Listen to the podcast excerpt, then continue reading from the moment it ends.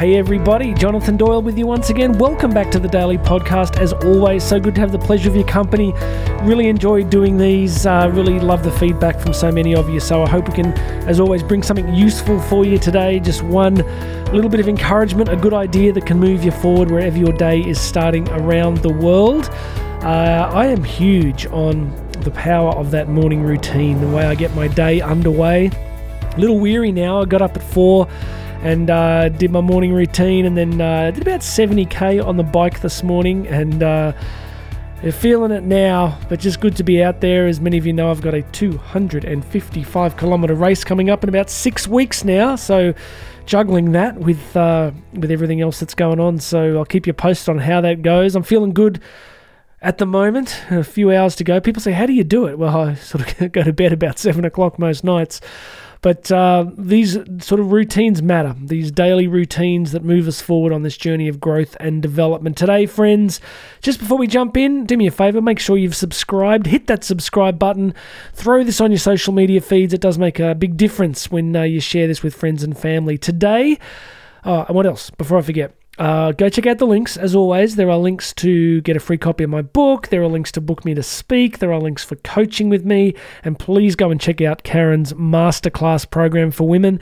She runs this phenomenal coaching uh, service and masterclass program for women. So uh, go and check that out. It's in the show notes there. Now, let's do this. We're going to talk about work life balance almost all of us would resonate with this topic. There's not a lot of people listening who are like, well, Jonathan, I get up every day, it's all good, a little bit of work, everything's just fine. Many of us, based on the questions you guys have submitted over the last few weeks, are very much like that duck on the pond. We are calm on the surface, but underneath our little feet are paddling outrageously fast, trying to keep the momentum, trying to keep all the balls in the air, so to speak. And it'll also depend upon our stage of life, depending on the stage of life you're in. You know, uh, Karen and I are in that phase. We've still got three young kids and all the stuff that we have on our plate. It's some days it's like it's really challenging, really demanding. I know many of you can um, resonate, you can uh, relate to that sort of challenge, but we're all going to be in a different place, but I think what we're all driving towards is a sense of balance in life. Does it exist? I've heard some people say no. I know uh, one executive who uh, I respect has sort of said, look, just accept that you can't have it. You can have one or the other, but you can't have both. I don't know if that's true. I think we can approximate things. I think we can uh, really try and structure our lives in ways that uh, help us out. A couple of key points. This is um, we are born at a moment in history. I've been saying this in most of the recent episodes where we are faced with enormous complexity, busyness, the promises of technology and how it was going to liberate us from all sorts of stuff hasn't quite come to pass. So, I want to keep reminding us all that if you ever feel overwhelmed, if you ever feel like it's stressful, cut yourself a little bit of slack because you are living at a moment in history where there is a lot of complexity, there is a great deal of busyness, there's a lot of uncertainty in the environments that surround us. You know, for for much of history, you kind of grew up in a in a smaller community, right? And you pretty much stayed in the same place your entire life. And yes, there was problems, and yes, there were wars and different issues that would have happened from time to time. But the experience of most people was an experience of predictability and stability. That the you know yesterday you know, and uh, looked a lot like today, and tomorrow's going to look like a lot like today, right? Things just rolled on. So be kind to yourself because this is challenging. This is, uh, don't beat yourself up if you're finding yourself, you know, wondering how you're going to manage it all. But uh, I've got a few things for you. First thing, always remember whenever we have a difficult circumstance in our lives, there are always three options they are leave, they are accept, they are change. You can either leave the situation and that's definitely applicable to what we're going to discuss today. There are times when you might need to leave. Uh, you can accept it. You can say, you know what, this is how it is for now.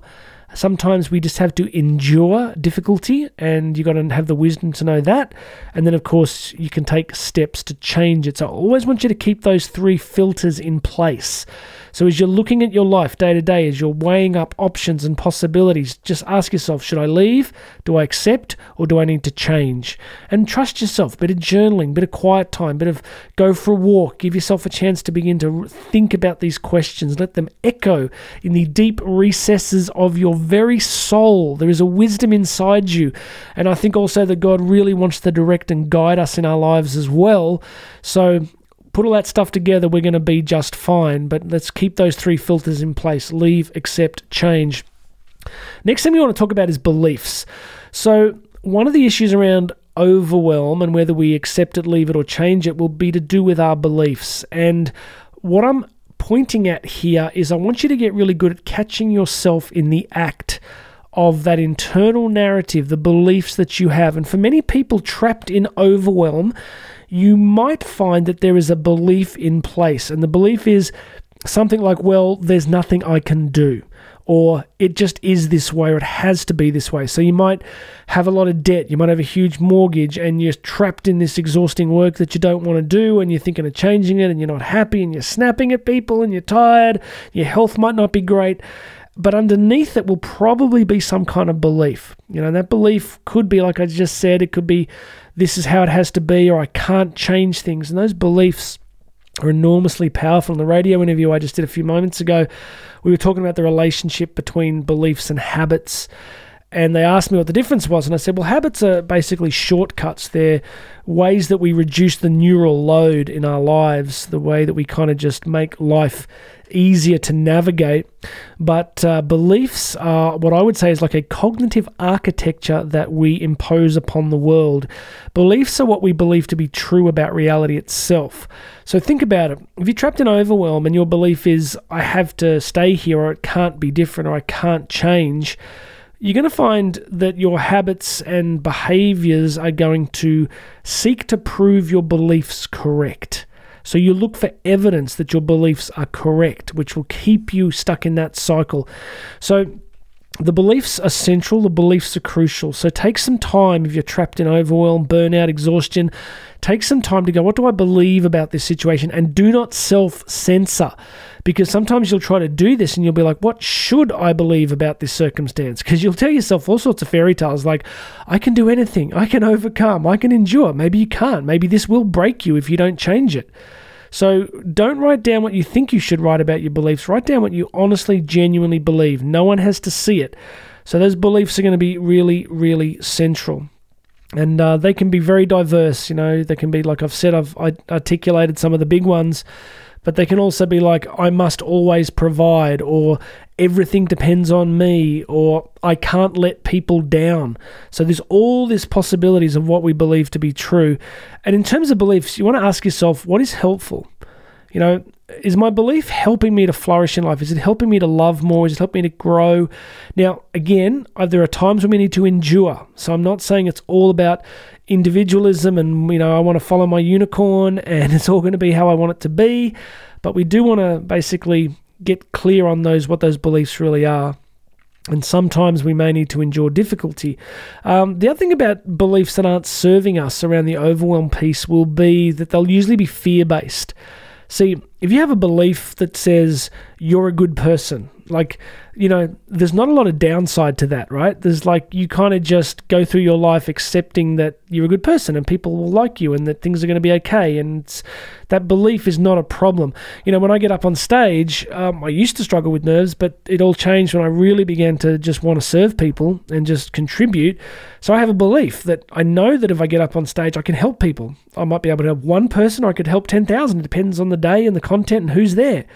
But my belief is a positive one. It makes me feel good about what I do and makes me want to serve people. So, if you're str- if you're struggling with overwhelm, exhaustion, and burnout, you want to say, look at those beliefs, and the ones that you want to work with are the ones that are fear based.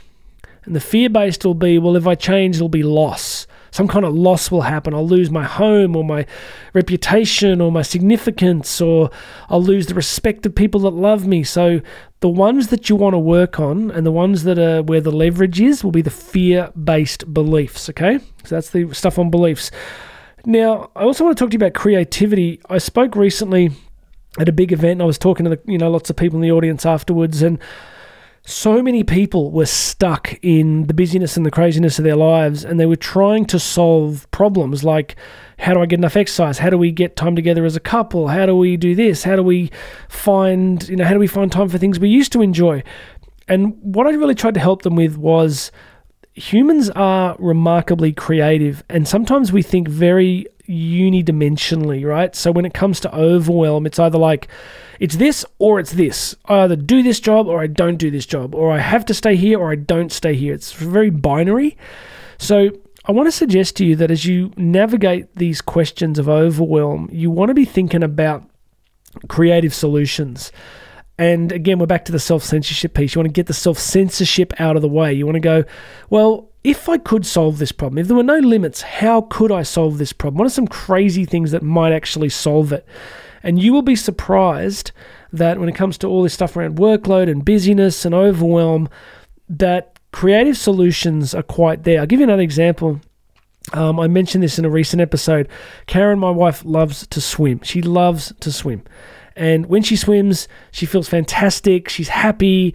She just absolutely loves it. The way that I love cycling or training or weights, she loves swimming, right? It's her thing. All of you have got your thing. So she has a belief about it. And the belief is, you know, this is um, something I love. But she's also got another belief, which is, I need to keep, you know, working hard on important projects, or she'll have a belief that I need to spend more time with the kids, or I have a belief that it's selfish to take an hour or two hours to go and swim. So, you, can you see the belief clash? Now, Karen's a very integrated person, but I'm sure all of us have got these kind of things going on, right? Where there's something we want and we believe one thing about it, but then we also believe another thing about it, and that's where the tension and the stress starts to rise. So, what I want to get to is the creative stuff. Is I, I would say to Karen, I go, look, you got to swim. She goes, oh, I can't. You know, I can't. That was this. I can't today. And that was the belief, right? And the belief then would drive more stress. And I'd say, well, why can't you? Oh, just this, this, this. And then I would help her and we would together come up with a creative solution. Oh, I like, I'll cover the kids here, here, here, and I'll do this, and then you go do that. And the other day, it was really interesting because she felt bad that she didn't want to go swimming for too long and not be with the kids. And I said, why don't you take, you know, one of them with you? So she started. She started taking um, our youngest with her, and the, the our youngest absolutely adores it and loves it, and having time together and swimming, win win, right? So here was a solution that was always there, but she hadn't, for whatever reason, found the creative solution. So sometimes we need an outside person, hence the coaching thing. You can go and check out the coaching links here in the uh, podcast notes. But um, don't rule out creative solutions to overwhelm. They might surprise you. And there's so I've just seen this pattern so often. People run patterns. It's like, I want this, but and the and the big butt gets in the way. You know, we've all got a big butt, really. You know, so we've all got big butts. We're like, but this, but that, but I can't, but I can't. It's a belief. It's just a belief. It's what it is. You got to critique it and test it and see if there's a creative solution or a different belief. So come back to the swimming thing. Karen's belief was, I can't, you know, go away from my, my kids too often and do something that I need to do. And I'm like, well, here's another belief. How about I can model physical activity and health to my child and take them with me. It's a different belief and it brings it out a different result through a creative problem solving nexus. So I hope that's relevant. Just just get creative. Honestly, you would be amazed what you can come up with if you don't self censor. Look, the other thing about overwhelm is the tough conversations piece many of us are so busy and running at a million miles an hour that we don't have often enough the kinds of conversations that are going to be extremely helpful for us. So those conversations are often with a spouse or with, you know, those in the closest relationships to us. They might be with, you know, mentors or therapists or counselors, tough conversations you know, where you really put it all out there. You say, I am drowning. I am overwhelmed. There's too much of this. I can't cope anymore. And you have tough conversations. We don't do that often because we tell ourselves that we're way too busy juggling all the balls, so we don't have them. You know, uh, the person that sent me this question talked about, you know, workload the tough conversations piece can often come into our careers. Like you can, you know, sometimes you might have to go to your boss and say, look, this isn't working anymore. I can't do it. I just can't. Now, that'll be a huge problem for so many of you. Why? Because you will have a belief, and the belief will be something like don't show weakness, don't seem that you can't cope, don't um, ever be a problem for anybody. All of us are going to be carrying some variation of that. But it's the courage that you need, the courage that we can find to have these tough conversations and the belief we keep telling ourselves we can't have them. You know, it's just it's not worth it. It's not worth the stress. It's not worth the strain. Well, you're already stressed. you're already strained. You're already overwhelmed. What's the downside here? I could lose my job. Well, every indicator I see says we've got uh, super low unemployment. You can find something. So, summary what are we talking about? We're talking about overwhelm. We're talking about exhaustion and busyness. We've talked about three options leave, accept, or change. We've talked about the power of your beliefs, and I want all of you to start looking at them. Catch yourself in the act. What am I believing? It happens so quickly, it is so subtle. Most of the time, we don't even know we're doing it. So, check that out. Um, look for creative solutions and also consider tough conversations. You have one life. This is it. You're not coming back. How much of this life do you want to spend in exhaustion, overwhelm, burnout, and just fatigue? How much of it? How much of this do you want to trade? How much joy, laughter, friendship, connection? And I'm not creating a bifurcated world of rainbows and unicorns and drudgery on the other. I'm saying we've got to find ways to get a balance back that gives us enough life, you know? We can believe things for so many years, and I'm just learning as I get older that We've got to trust more. We've got to relax into the provision of God more. We've just got to do the best we can each day and surrender the rest. And it's very easy to say those words. It's much more of a discipline to live it, but I'm getting there. I'm starting to just go, well, I spent all these years stressing about this or that or that problem or this issue or this part of the business or this revenue model or this. And now I'm like, you know what? I'm just going to get up. I'm going to be the best spouse and father I can possibly be on any given day. I'm going to do better some days, worse others. I'm going to try and put out great content that blesses people. I'm going to do the other stuff we do in our business, speaking, travel, all the online stuff we do. And I'm going to just going to let go and trust a little bit, and because um, I just know the overwhelm isn't going to help. And look, last thing I didn't really mention it. There's a huge relationship for me with the, I guess the um, the exercise thing. Like exercise really does help, you know. And I do huge amounts, but I'm not telling you to do what I do. I'm just saying that you know, if we're if we're stressed, our body can't tell the difference. If we go for a run or a walk or a ride or whatever, all our body knows is that you know our system is responding to external stresses, like it could be weights, whatever, and that helps us. So don't rule that out either. All right, there's a lot in that. I hope it's a blessing to you.